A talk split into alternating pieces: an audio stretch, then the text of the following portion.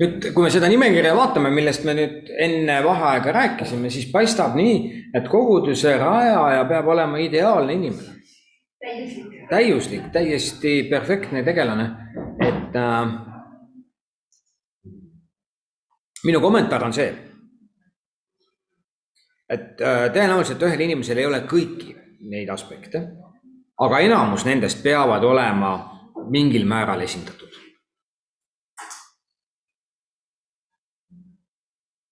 On mõni, millest ei saa üle, kui temal ei ole visiooni, siis ta ei ole rajaja. millest me ei saa üle ega ümber, kui tema ei suuda meeskonda kaasata, siis ta ei ole rajaja. mis tähendab seda, et ta peab suutma inimesi kaasata. muidu, sest ei tulegi midagi.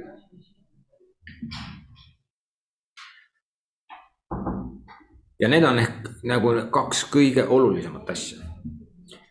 loomulikult selline evangeelne suunitlus, uskmatute inimesteni jõudmine on, on väga tähtis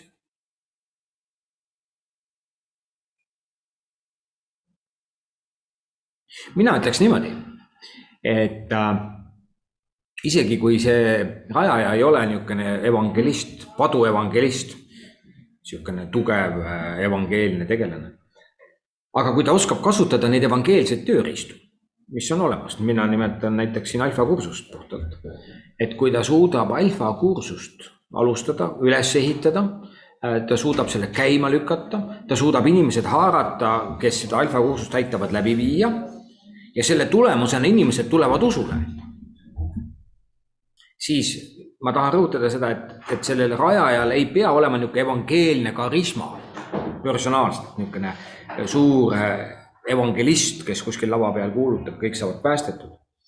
aga kui ta oskab luua sellist evangeelset keskkonda, mm, kus inimesed tulevad ja nende elud muutuvad, see võib isegi veel efektiivsem olla võib-olla tal on meeskonnas keegi evangelist.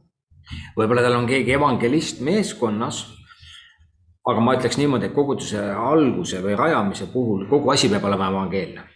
et äh, seal ei saa ehitada nagu ühele evangelistile, kes teeb nagu töö ära, et mõnes mõttes kõik peavad ikkagi koos, kogu asi peab olema hästi evangeelse lõhnaga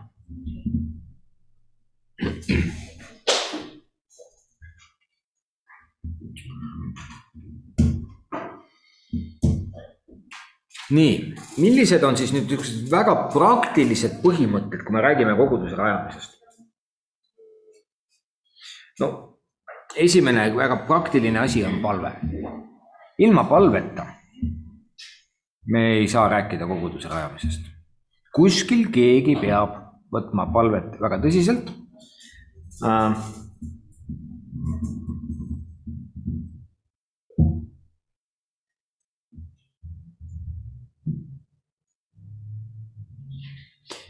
kui me rajasime siin kogudusi, siis tegelikult me tegime ühe palvegrupi. See ei olnud üldse väga suur, aga iga nädal meil oli reede õhtul paar tundi palvet. puhtalt koguduse rajamise ja siis me alustasime piiblikooli piiblikooli pärast. ja selles suhtes palve peab minema ees.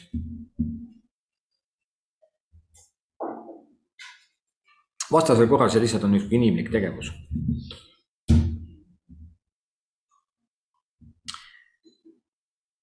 nüüd, kui keegi teist või ütleme, keegi kuskil tahab alustada koguduse rajamisega, siis äh, tuleb kohe nagu selles osas võtta rahulikult, et alustame siit, kus me oleme.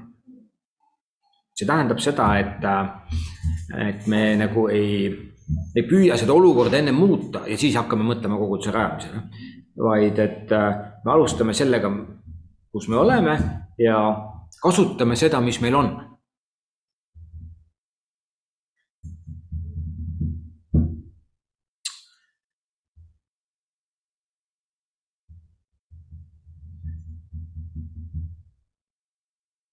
kui äh, Jeesus tegi viiest leivast ja kahest kalast, nii et kõik said söönuks, kümned tuhanded, siis ta saab sellest vähesest, mis meil on, teha ka midagi, selles pole kahtlust. loomulikult koguduse rajamise puhul, et seda, mis meil on, rajaja peab endale teadvustama või see meeskond, mis meil siis olemas on Nonii, meie hakkasime rajama kogudust Viljandisse. Äh, ja, ja meil niimoodi esmalt vaadates polnud peaaegu midagi, paljud ütlesid, et me ei saa rajada seda üldse, sest et meil ei ole midagi. Äh, ma hakkasin siis vaatama, mis meil on, ma vaatasin, et meil on mingid inimesed Viljandis, meie inimesed, kellel ei ole kodukogudust. kes on niimoodi nagu kripakiline peal. ma võtsin nendega ühendust, sõitsin sinna puhkuseaegu naisega koos, istusime maha, päev läbi rääkisime juttu inimestega. tuli välja, et need inimesed, kes seal Viljandis on, on tegelikult omavahel koondunud ja on oma kümniseid juba natukene mingi aja nii-öelda ise kuskile oma arvele pannud eraldi kõrvale. Nendel oli mingi raha olemas. päris huvitav, aga mul oli väga südames see, need inimesed seal. siis ma mõtlesin, et okei okay,, nendest inimestest ei piisa, et me alustame alfaga seal siis me võtsime meie kooli, juhtide kool tollel ajal, saatsime juhtide kooli meeskonna kord nädalas Viljandisse, hakkasime sõidutama neid Viljandisse alfat aitama läbi viia. ühesõnaga, ma panin tükkidest kokku, siis meil ei olnud ressurskogudust või emakogudust, kelle alla me saame veel raha juurde koguda. siis ma käisin ja rääkisin kohaliku kõige lähema kogudusega, pastoriga. sõitsin sinna, võtsin aega, rääkisime asjad läbi. ja nemad olid nõus, et nemad on siis emakogudus nii-öelda kelle arve peale me hakkame koguma raha, nii-öelda veel annetusi koguduse rajamiseks, sest kohe ei ole kogudus olemas. nii et me panime tükkides selle asja kokku. ja niimoodi me tegime teiste kogudustega ka, erinevalt natukene, aga mm, meil kunagi ei ole kõike. ja meil alati jääb midagi puudu. aga siis tuleb seda otsida siis ma avastasin, et üldiselt meie kirikus vähemalt ei ole palju kogudusi, kes ise suudaksid rajada uue koguduse, lihtsalt ei ole seda võimekust. siis ma sain aru, et okei okay,, nüüd me peame panema mitu kogudust kokku, et mitu kogudust koos rajavad koguduse. panevad oma jõud kokku ja nii edasi. teistes kogudustes me saatsime lisaks selle, näiteks fookuskoguduses oli mingi punt ameeriklasi ja siis me andsime kuskil kümmekond inimest Toompea kogudusest, kes läksid fookusesse ja siis toimus fookuse rajamine. pluss veel meie kool aitas ka natukene, ühesõnaga me panime erinevatest tükkidest asja kokku. ja see, mis meil on, see tuleb üles otsida, vahest me ise ei näe, mis meil on. sellega tuleb nagu tööd teha, vaadata, mis siis nagu on võimalik. vabandust, küsin aga selle Viljandi näite peal, kas seal see, see esmane initsiatiiv tuli nagu nende poolt nad nagu igatsesid seda, seda kogudust sealt või see pigem tuli see, see, see tunnetus südamesse, et tegelikult neile on vaja seal et...? tegelikult see initsiatiiv tuli minult mm.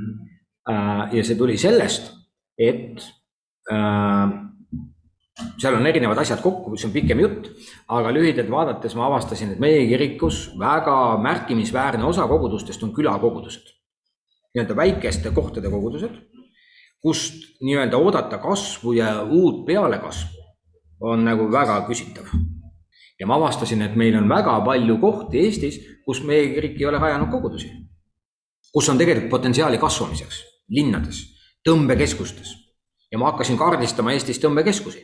ma hakkasin enda jaoks tegema pilti selgeks, kus on need kohad, kuhu me perspektiivis võiks rajada kogudusi. ja Viljandi selles mõttes sai olema esimene, kuna seal olid need inimesed olemas.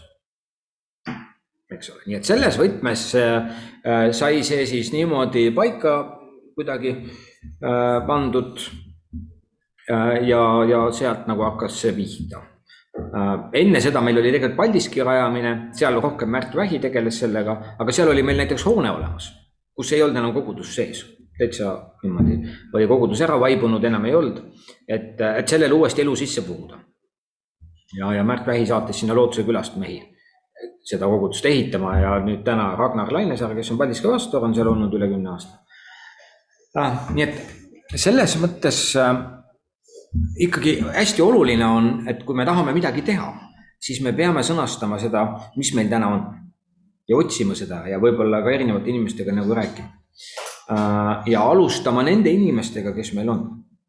idee on selles, et et kui me tahame midagi rajada, siis me peame alustama siit, kus me täna oleme.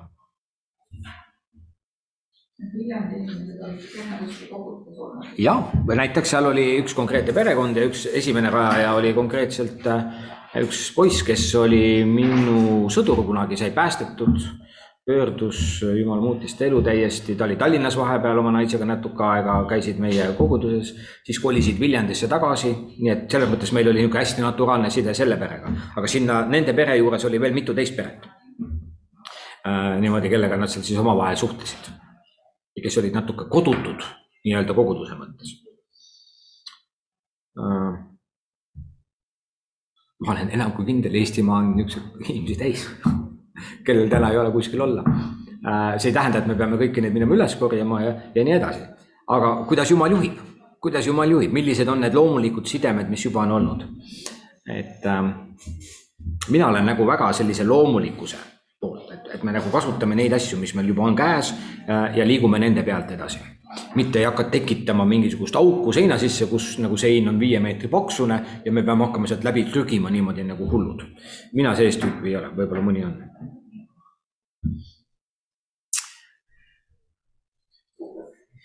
Nii. ja nendega, kes sul on, need inimesed, kes sul on, tuleb natuke ümber vaadata, kes on need inimesed, kellega mul on loomulikud kontaktid, keda jumal paneb mu südame peale kellega ma võin rääkida nendest asjadest, arutada, et kuule, mul on niisugused mõtted ja plaanid. Äh, nii et ja keda ei ole, seda ei ole. et vahest me otsime mingisuguseid staare, ma ütlen niimoodi jutumärkides staarid, ma ütlen, et need staarid vahest võivad hoopis segada. Selles mõttes, et nad on nii kogenud juba, nad juba teavad asju. Äh, aga kui sa alustad nendega, kellel väga palju kogemust ennem pole, nendega nagu on palju lihtsam. see on nii nagu uue maja ehitamine on lihtsam võrreldes vana maja renoveerimisega. et ära nagu otsi äh, omale, kraabi inimesi kokku teistest kogudustest. see lõpuks võib olla ainult üks suur segadus. tee nende mõnega, kes sul on, kes on ustavad. See, kui olemasolevast kogudusest mingi nüüd läheb nagu ära, et siis on, eeldame, et see on nagu positiivne või mm -hmm. siis on ikkagi niimoodi, et seda nähakse ka negatiivselt? oi, see sõltub ju konkreetsest kogudusest ja juhtkonnast, et äh, seda väga raske öelda, kindlasti on kohti, kus seda võidakse näha negatiivselt. võib-olla on ka kohti, kus seda nähakse positiivselt. Äh, selles mõttes see sõltub. tohib kommenteerida, mul on ka sellega siin võib juhtuda see, et see, ütleme, pastor, kelle koguduse inimesed, kes piirkonnas siis mõtteid mõlgutavad selles suunas, võib seda näha täiesti, täiesti lõhestavana. et võib see, kui ütleme, see pastor, kelle koguduses mõned inimesed siis teevad seda, et see pastor võib näiteks täitsa rünnakuna ja selle näha, et siin peab pastoril ka olema nägemus, et kas me ehitame Jumala riiki või ehitame oma seda kogudust ja oma riiki, et see on minu teenistus ja see, et siin võib olla väga suured vastuseisud tekkida ja, ja igasugune rajamine lõpetada noh, siis kogu aeg on töötegijaid puudu, eks ju. lihtsalt sellepärast, et kui seal on inimlik, inimlik pool, et äh, pastor ei tule selle nägemusega kaasa, mis inimestel on, siis võibki olla niimoodi, et need inimesed ei saaks seda teha, sellepärast et pastor leiab, et see ei ole see visioon, mis tal on ja, ja paneb sellele piduri peale. näiteid on ka. oi, ja mitte vähe, vähe, äh, kus pastor otsustab inimese eest mm, -hmm. mis talle hea on nii et ega see on, see on selles mõttes ilmselgelt koht ja vahest on pastoril soov tegelikult inimest kaitsta. et ta näeb, et mõni inimene kas ei ole nii küps veel või nii valmis, eks ole, mis võib olla ka tõsi, mis võib olla tõsi uh,. koguduse rajamine on nagu sünnitamine, see käib koos valuga, sinna ei ole mitte midagi teha. Mina ei ole küll sünnitanud Äh, ma olen sünnituse juures olnud ja selles mõttes äh, see ilmselgelt on verine äh, niisugune ebameeldiv protsess. aga uus elu tuleb ja kui see uus elu tuleb ja see laps teeb esimese hääle ja, ja, ja, ja, ja ta pannakse oma ema rinnale, see on ikka imeilus. eks ole. nii et see, et ei mõisteta, ei toetata ja, ja ollakse võib-olla isegi vastu see käib asja juurde. nüüd, loomulikult peab olema mõistlik ja selles mõttes siin on vaja tarkust, et keda me kuulame, kuidas me kuulame ja kui palju me kedagi ei kuula. aga no ikkagi juhi õnnistus muidugi on ilmselgelt vajalik või, või nagu selles mõttes selle suunas võiks nagu liikuda, et ikkagi juht saadab õnnistusega seda tiimi teele ära eelda, et sul on siis kõik olemas või et sa tead kõike. kunagi ei ole ideaalset aega. kui sul on südame peal ja see kuidagi nagu kasvab, sa ei saa sellest lahti, siis tuleb hakata liikuma. võib-olla tasakesi ja aeglaselt, aga ja võib-olla mõni inimene ka, kellel on see südame peal, kes ise ei ole rajaja, tegelikult ei ole ise rajaja, aga, aga ta hea meelega osaleks rajamises. Me siin, üks meie kiriku pastoritest tegi metodisti seminari lõputöö koguduste rajamisest Nelipühi kirikus Eestis ja siis tuli välja ka, et paljud inimesed tegelikult on valmis osalema rajamises, aga nad ei näe ennast ise rajajatena. mis tähendab, et need rajajad on niisugust unikaalset tüüpi inimesed tegelikult ja, ja neid ei ole nagu lihtne leida.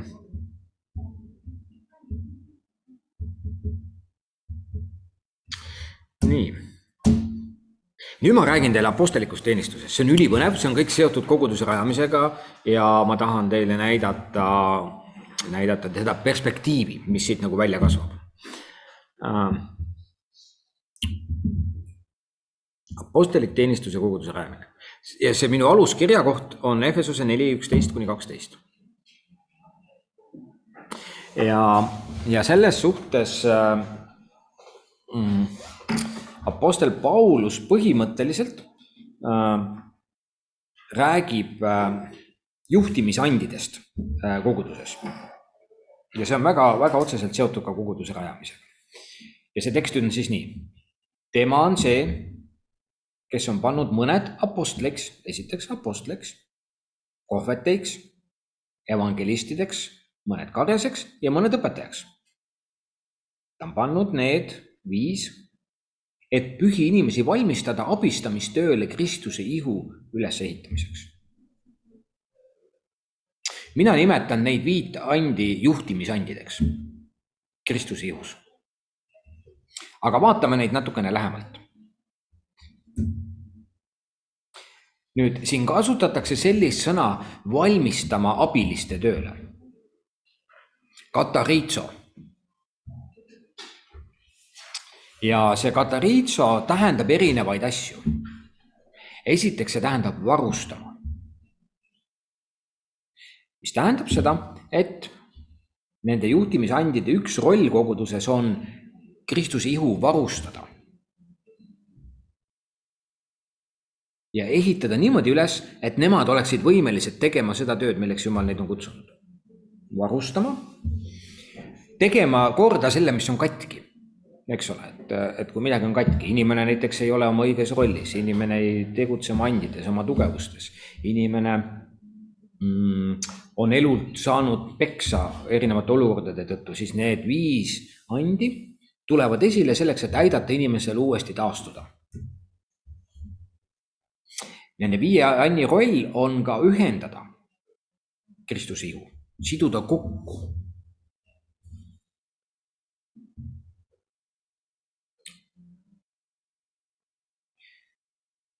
Ma olen seda varem maininud, Uues Testamendis mitte kordagi koguduse juhtimisel ei räägita ainsusest või ainsuses. alati räägitakse mitmuses koguduse juhid olid, neid oli mitu. Presbüüteros on see sõna, äh, mida kasutatakse ja see on mitmuses, igal pool. Kogudus ei sõltunud ühest mehest või naisest ja tema nii-öelda vaateväljast. kogudus oli, sõltus nende koguduse vanemate vaateväljast, kes seal oli ja neid oli rohkem kui üks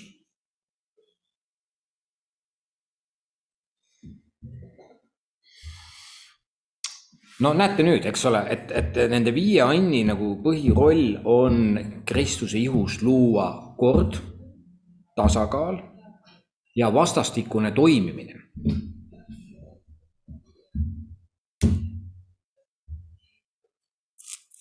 nii et see sõna valmistama siin on nagu hästi tähtis, katariitso.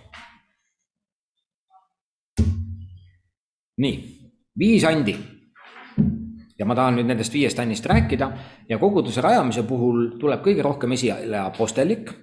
Aga miks ma räägin ka teistest, et luua lihtsalt see laiem kontekst ja laiem pilt. Nonii.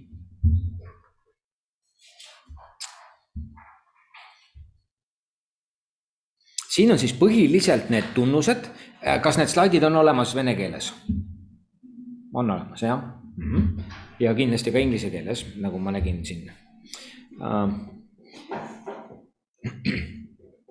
Apostellik and, eks ole, keegi, kes läheb ees, kes teeb teed. ja nüüd te näete juba, et see iseloomutüüp siin ka visionäär eks ole, et, et tegelikult ka, kui me räägime koguduse rajamisest, meil on vaja mingisuguseid tunnuseid apostelliku selles mõttes rolli, rollist. mingeid tunnuseid, mida see, need inimesed esindavad või see and esindab, ütleme täpsemalt. Innovaator, strateeg, pioneer, keegi, kes läheb tundmatule alale. Paulus ütles nii, ma ei kuuluta evangeeliumi seal, kus juba on kuulutatud, ma tahan minna sinna, kus veel ei ole kuulutatud prohvetlikud inimesed või prohvetlik and on, äh, on selline küsitleja. Keegi, kes nagu, nagu küsitleb selle kohta, et kas see, kus me täna oleme, kas see on see Jumala parim. Äh, ja, ja, ja prohvet oma iseloomutüübilt on niisugune häirija, muidugi me tahame kõik oma juhtkondades häirijatest lahti saada Äh, siis nad segavad meid. Äh, nad ei allu ja nendel on igasugused muud probleemid. Nii et meil on probleeme ütleme nii siis. agitaator on see õige sõna, mul on siin mõned trükivihad sees. agitaator, keegi, kes agiteerib, eks ole. ja, ja selles mõttes prohvetid on niisugused teravad inimesed, nad on niisugused jäigad kohati ja nad on niisugused nagu äh, nad võivad olla nagu väga sarkastilised, niisugused, nad lõikavad nagu sisse mingi asjaga. ja, ja, ja see ei ole mugav alati, see ei ole mugav. evangelismi anniga inimesed on, on niisugused, nad on, nad on müügimehed. kõige lihtsam termin evangelisti kohta on, ta müügimees. ta müüb evangeeliumi. ja hea evangelist müüb seda hiiglama hästi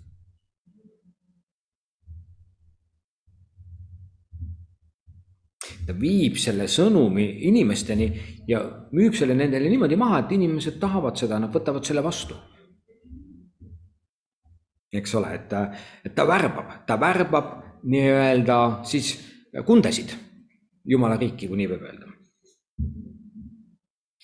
ja, ja evangelistile on kindlasti iseloomulik selline kirglikkus, mis nagu tuleb esile tema, tema olemisest, ta on kirglik evangeeliumi kuulutamises pastori and on suunatud sissepoole, koguduse sisse. tema, pastor on põhimõtteliselt koguduse liim.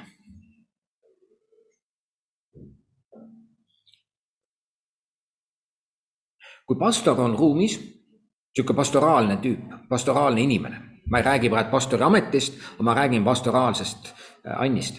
kui pastoraalne inimene on ruumis, siis kõigil on seal hea olla pastoraalne and loob nagu keskkonna, kus ei ole vastandamist, kus ei ole niisugust äh, mm, lõhesid. pastoraalne inimene toob meid kõiki kokku, liidab meid kokku. pastoraalse inimesega on see, et, et sa tahad temaga koos olla.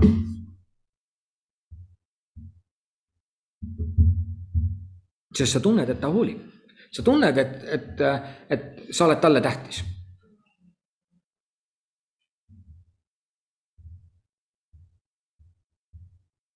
ja õpetaja and on, on niisugune süstematiseerija, ta, õpetaja and on, on, on selline and, mille tulemusena nagu me nagu sisemiselt, meie teadlikkus kasvab, meie asjadest arusaamine kasvab.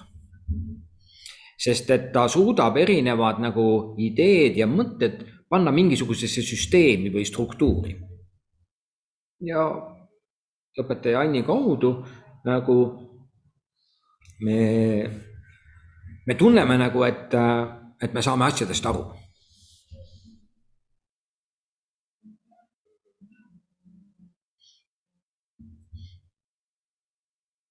ja kui me nüüd võtaksime ühe nendest andidest ära kogudusest või isegi veel mitu, siis te saate juba aru, et tegelikult meil on probleemid. eks ole. Aga noh, vaatame neid lähemalt siis. kõigepealt apostlik and. mis on apostliku anni sellised põhiülesanded või fookus? apostliku anniga inimeste põhikirg on laiendada Jumala riigi piire, viia need piirid kaugemale, kui need täna on.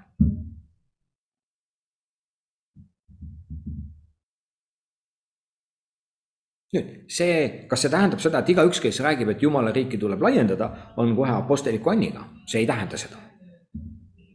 et neid tuleb ikkagi vaadata nagu koos, siin on teisi tunnuseid veel. valvamine ja kinnistamine apostliku anniga inimesed on tihtilugu need, kes ka valvavad nagu mm, õige õpetuse üle.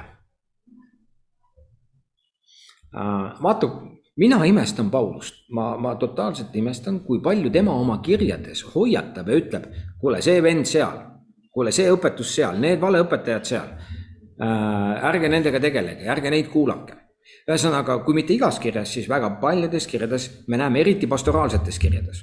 Timoteusele, Tiitusele ja Philemonil. aga sellest kirjutavad ka Johannes ja Peetrus oma kirjades, kui, kuidas me peaksime nagu nii-öelda valevennad või valeõpetajad esiteks need nagu identifitseerima ja teiseks nendega mitte tegemist tegema. valvamine õige õpetuse üle eks ole, nende piiride üle, milles me nagu tegutseme. ja siis nende piiride kinnistamine, et see on ka niisugune apostliku anni nagu üks niisugune äh, oluline tunnus, et, et apostlikud inimesed tahavad kinnistada neid piiri, piire, et, äh, et need oleks kindlad.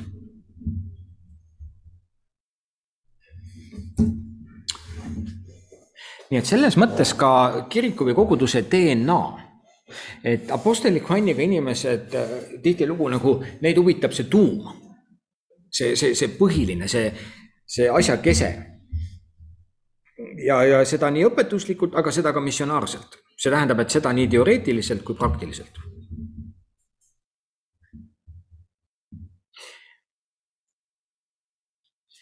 mis tähendab seda, et, et tegelikult selliste inimeste jaoks ei ole oluline ainult mitte see, et me teeme õigeid asju, vaid et me usume õigeid asju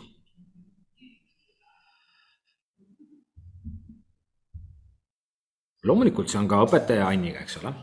aga, aga selliste apostelike inimeste jaoks äh, see on seotud Jumala riigi efektiivsusest. õpetaja jaoks on see küsimus lihtsalt tõest.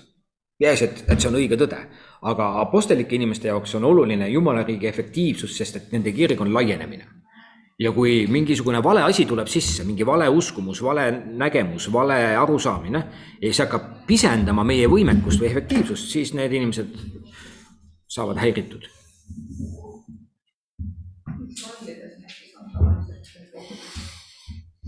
See on väga, väga nutikas.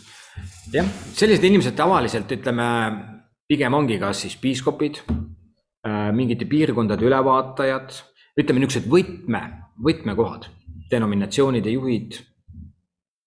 nüüd, kas see tähendab, et kõik denominatsioonide juhid ja võtmeinimesed on siis apostlikud inimesed? ei tähenda, aga ideaalis see peaks olema nii, et sellised inimesed on nii-öelda võimalikult sellises kohas, kus nad saavad oma potentsiaali rakendada.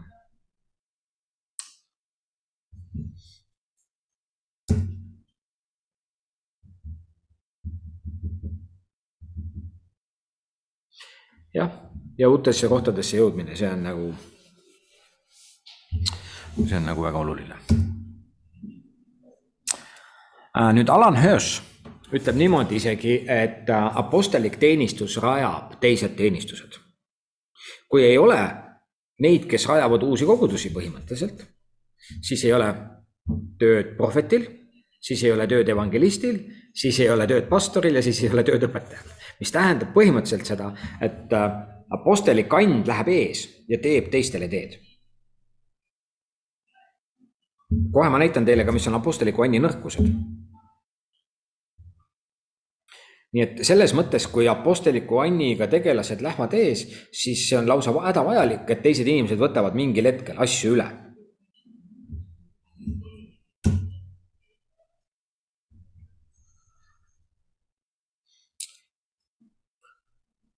Nüüd, kui jutt on jumala riigi laienemisest, siis ilmselgelt see on võimatu, kui ei kasvatata uusi juhte mis tähendab, et uute juhtide kasvatamine on nagu selliste apostliku vanniga inimeste jaoks nagu nagu must asi või see peab olema. vastasel korral me ei saa mingist laienemisest rääkida. eraldi küsimus on, kust need juhid siis tulevad ja kuidas neid kasvatatakse. Ja, ja selliste inimeste puhul ka veel missionid tihtilugu, sellised apostlikud inimesed ei ole niisugused kirglikud evangelistid, kelle ees, eesmärk on nagu kuskil tänavanurga peal, ma ei tea, preach ida piibel käes Äh, apostlike inimeste jaoks on pigem luua missionile selline strateegiline perspektiiv ja selline perspektiiv kasvule. vaadake, vaadake, kuidas Paulus tegi. see on lihtsalt imetlusväärne. ta läks ja rajas missioni suurtesse keskustesse. Ja me ei tea sellest palju, aga me näeme hiljem nende kirjade kaudu, mis edasi levisid, et need keskused omakorda rajasid uusi kogudusi oma piirkonnas eks ole, strateegiline perspektiiv. Paulus ei läinud kuhugi väiksesse külla, et rajame siin ühe mingi väikese pisikese koguduse. ta läks kõige suurematesse kohtadesse, kus on kõige suurem potentsiaal, pani sinna jala maha. ja nüüd see, mida ta sinna rajas, see hakkas omakorda ise rajama edasi. Eks ole, see on strateegiline perspektiiv. iga koguduse rajaja ei ole kohe apostellik inimene, ei peagi olema aga kuskil peavad olema niisugused tegelased ka. kui me tahame muidugi laieneda, kui me ei taha, siis neid pole vaja. nii, võrgustiku rajaja, sellised inimesed rajavad võrgustikke, seovad inimesi omavahel kokku, panevad asjad toimima. nii, mis on apostlik mõju, kui see töötab koos teiste andidega? usk ja selle mõju laieneb ühiskonnas meie tegevus sarnaneb algsele kristlusele või sellele algkristlusele, kuidas algselt kristlased tegutsesid. ja kui sellised inimesed on võtmepositsioonidel, siis on missiooni liikumine kirikus soodustatud. Kui sellised inimesed ei ole võtmepositsioonidel, siis missiooni liikumine pigem äh, on kammitsetud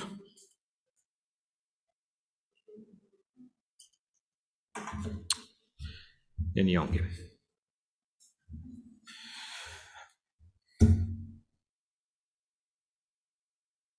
ja sellised inimesed ka peaksid looma terveid suhteid nagu nendes võrgustikes, ühesõnaga äh, nad nagu toovad inimesed kokku ja, ja, seal, sellest kasvavad välja uued liikumised. ma hiljem näitan seda. ja koguduse kasv jah, ja kui nüüd sellised apostlikud inimesed on kirikute juhid, denominatsioonide juhid või, või niisugustes võtme, võtmekohtades äh,, siis selle tulemusena ka nagu uued algatused saavad nagu mõnes mõttes nagu uueks normiks. Kui saavad muidugi. et, äh, et selles mõttes sõltub ka, kui palju kogudus või kirik tervikuna nagu ka nende uute algatustega kaasa lähevad, sest sellised inimesed ei ole rahul staatus quo'ga või sellega, mis on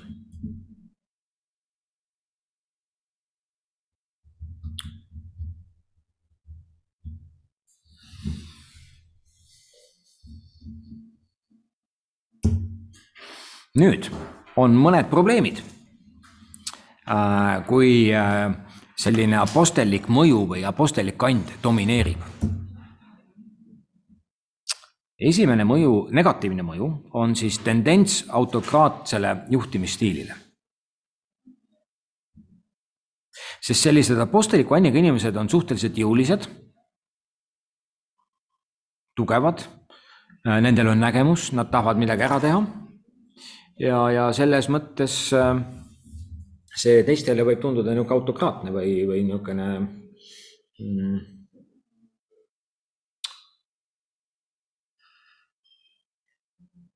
noh, kas diktaatorlik on nüüd see õige sõna äh,? oleneb, kuidas me defineerime neid sõnu, eks ole, aga ütleme nii, et ikkagi jah, selline ülevalt alla ja nüüd me läheme sinna linna ja nüüd me läheme sinna ja nüüd me teeme seda. ja see on väga lihtne niimoodi, eks ju. aga see ei ole kõigile inimestele lihtne. see ei ole kohe nii selge, nemad tahavad mõelda, nad tahavad arvutada, nad tahavad ka otsustes osaleda. aga noh, kõik on ju selge juba, kuhu me lähme ja mis me teeme, siin ei ole enam midagi arutada eks, nii et. nii, selle tulemusena organisatsioonis äh, võib olla palju haiget saanud inimesi. sest et apostlikud inimesed on suunatud tulevikku. Nad ei tegele mineviku haavade lappimisega või, või oleviku niisuguste probleemidega. Nemad kimavad edasi nagu raketid pigem, eks ole. nii et inimesed saavad selle kaudu haiget ja see on väga kahetsusväärne kahtlemata see on väga kahetsusväärne. Apostlikud inimesed tihtilugu on, äh, mis siin nüüd õige sõna oleks öelda, aga nad on väga muutlikud, ma ütleks siis niimoodi. et äh, nad on võimelised muutma väga kiiresti suunda ja, ja pöörama ümber ja, ja minema teises suunas. inimesed ei jõua nii kiiresti järgi. Ja nendel on probleeme sellega. Äh, vot niisugused teemad siin. Ja noh, siis on vaja teisi ande siia juurde, eks ole. Mm.. nii et kui apostelik mõju domineerib ja ei ole kõrval teisi ande, siis, siis ei pruugi toimida ja ma arvan, et see oli ka põhjus, miks noh,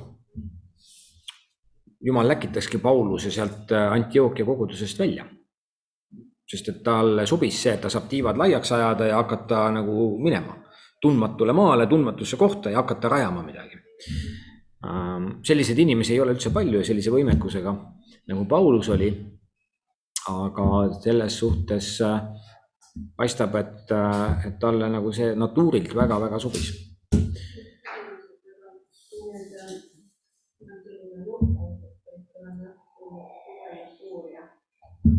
kõik saavad aru, et ainult laibad jäävad maha ja teeb palju haiget mm. -hmm kuidas, kes peaks olema siis see, kes seda korrale kutsub? see oleneb, mille juht ta on, esiteks, kas ta on väikegrupi juht, kas ta on koguduse juht, denominatsiooni juht või mingi suure asja juht. jah, kui ta on ikkagi päris suure, ütleme, töölõigu juht, kirikute üleselt, et äh, kui tal on mm, -hmm. sa näed kogu kaaslased, kes on väga juba järgi ja inimesed on haiged, keegi talle ütelda midagi ei saa tal on ainult visioon, ta kihutab ainult oma suunas, muudab, muudab kõike nii kiiresti mm, -hmm. et kuidas siis selle juhile, kuidas seda rajalt maha võtta või kuidas seda mm -hmm. talle öelda, ta ei kuula kedagi, ta läheb konflikti, kui keegi talle ütleb, kes siis on üldse nii suurele juhile, kes saab öelda? Noh, see on tegelikult asi, mida organisatsioonide juhtkonnad peavad ise läbi mõtlema, mismoodi juhid tekivad ja mismoodi juhid lähevad see on juhtkonna vastutus. see ja, ja, ja selles mõttes juhtkond peab võtma selle teema siis käsile. et äh, kahjuks aina rohkem on siin praegu läänemaailmas näiteid erinevaid, kuidas siis juhtkonnad on juhtidega tegelenud, kes on läinud mingites asjades üle piiride.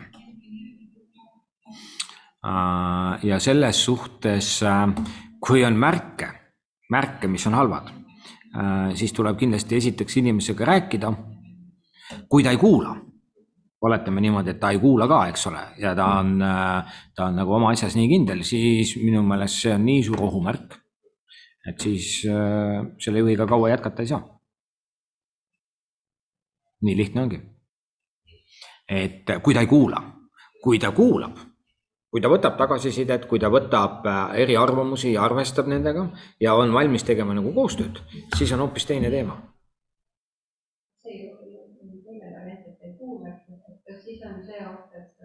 lihtsalt ühel päeval põline kukub, see kokku pidada päeva, inimesed kaovad kõrvalt ära. selliste juhtide puhul on see kurb asi siis, et kui tema kaob, siis kaob kõik.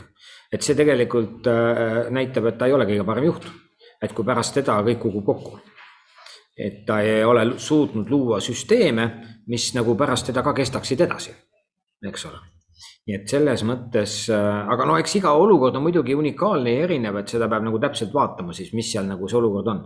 aga suures pildis igal organisatsioonil on juhtkond, Eesti riigiseadus, vähemalt Eestis ja mujal maailmas tõenäoliselt ka, nõuab, et organisatsioonil on juhtkond, see tähendab, et seal on mitu inimest vahest võib ka juhatuses vist MTÜ-s olla üks inimene, aga noh, siis see ongi mingi ühe mehe või ühe naise asi. aga ütleme, suuremas pildis, suuremad organisatsioonid, seal on juhtkond ja juhtkond vastutab selle eest ja peab looma juhtide tekkimise ja juhtide nii-öelda väljumise süsteemi. ja kui seda ei ole loodud, no siis on oma viga. kui päris aus olla.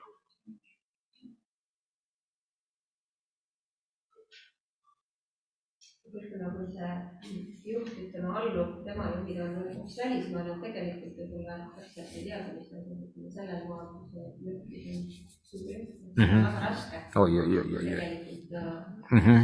keegi alluvatest ei saagi tema peale Mhm. no siis on kaks võimalust. kas sa siis oled seal ja lepid selle olukorraga või lahkud? minu, ma, ma ei näe teist võimalust, et äh, see on sama lugu, et kui perekonnas on mingi vägivald, siis sa ei pea vägivalla all elama, siis lahkud. ja ma arvan nagu sama asja, et kui juhtimine on vägivaldne, selles suhtes vägivaldne, et äh, totaalselt diktaatorlik, autokraatlik igas mõttes ja seal nagu ei ole lootust ka, siis ma arvan, et mina ei raiskaks aega seal. ma vähemalt ise ei raiskaks, ma liiguks edasi ja. Ja aga noh, jah, ma ütlen, olukorrad on erinevad, et niimoodi klassiruumis siin anda mingit hinnangut ja ütelda retsepti tõenäoliselt äh, ei ole võimalik. nii, meil on mõni minut äh, vaheni äh,. vaatame natuke seda prohvetlikku tegelast ka siis äh,. prohvetlikud inimesed siis äh, keskenduvad Jumala tahte otsimisele, eks ole äh,. ja sellised inimesed ka, ka suudavad nagu läbi näha, et, et mis on nagu jumaliku algega ja mis ei ole. eks ole, et selles mõttes äh, mm, sellised prohvetlikud inimesed äh, tihti toovadki sisse selle üleloomuliku maailma või jumala maailma nagu dimensiooni siia meie tegevustesse. Äh, ja, ja nende jaoks on oluline just see, et, et, et kas see on jumala tahe, mis me teeme. näiteks keegi teist ilmub välja oma koguduse juhtkonna ees ja ütleb, et mul on südames rajada kogudust, eks ole. siis sellised inimesed kindlasti, sellise kalduvusega inimesed küsivad, et aga kas see on jumala tahe oled sa kindel selles, mis on need märgid või mis on need tunnusjooned, mille alusel sa viitad ja ütled, et see on jumala tahe? sest väga palju motiive võib olla minna kogudust rajama, väga erinevaid motiive. ma ei hakka neid isegi hetkel siin nimetama, neid lihtsalt on väga palju erinevaid. aga prohvetlikud inimesed keskenduvad sellele, mis on jumala tahe. Juhtkondades, nagu me ennem nägime ka, need on inimesed, kes on häirijad, küsivad kogu aeg selle staatus quo kohta, kas see on see jumala parim, kus me täna oleme.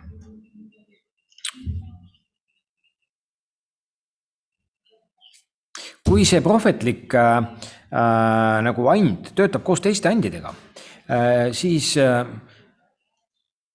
siis seal on alati olemas see jumala dimensioon ja see jumalale kuulekas olemine. Et, et see soov äh, ja see ei ole ainult, et see inimene nii-öelda toob seda esile, vaid, vaid see nagu laieneb, see mõju laieneb ka nagu kogu grupile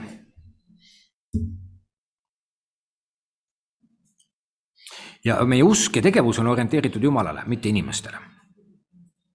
vahet pole, mida inimesed arvavad meie tegevusest, kui see on Jumala tahe meie jaoks ja me teame seda, siis me teeme seda, punkt. arvaku teised, mis nad tahavad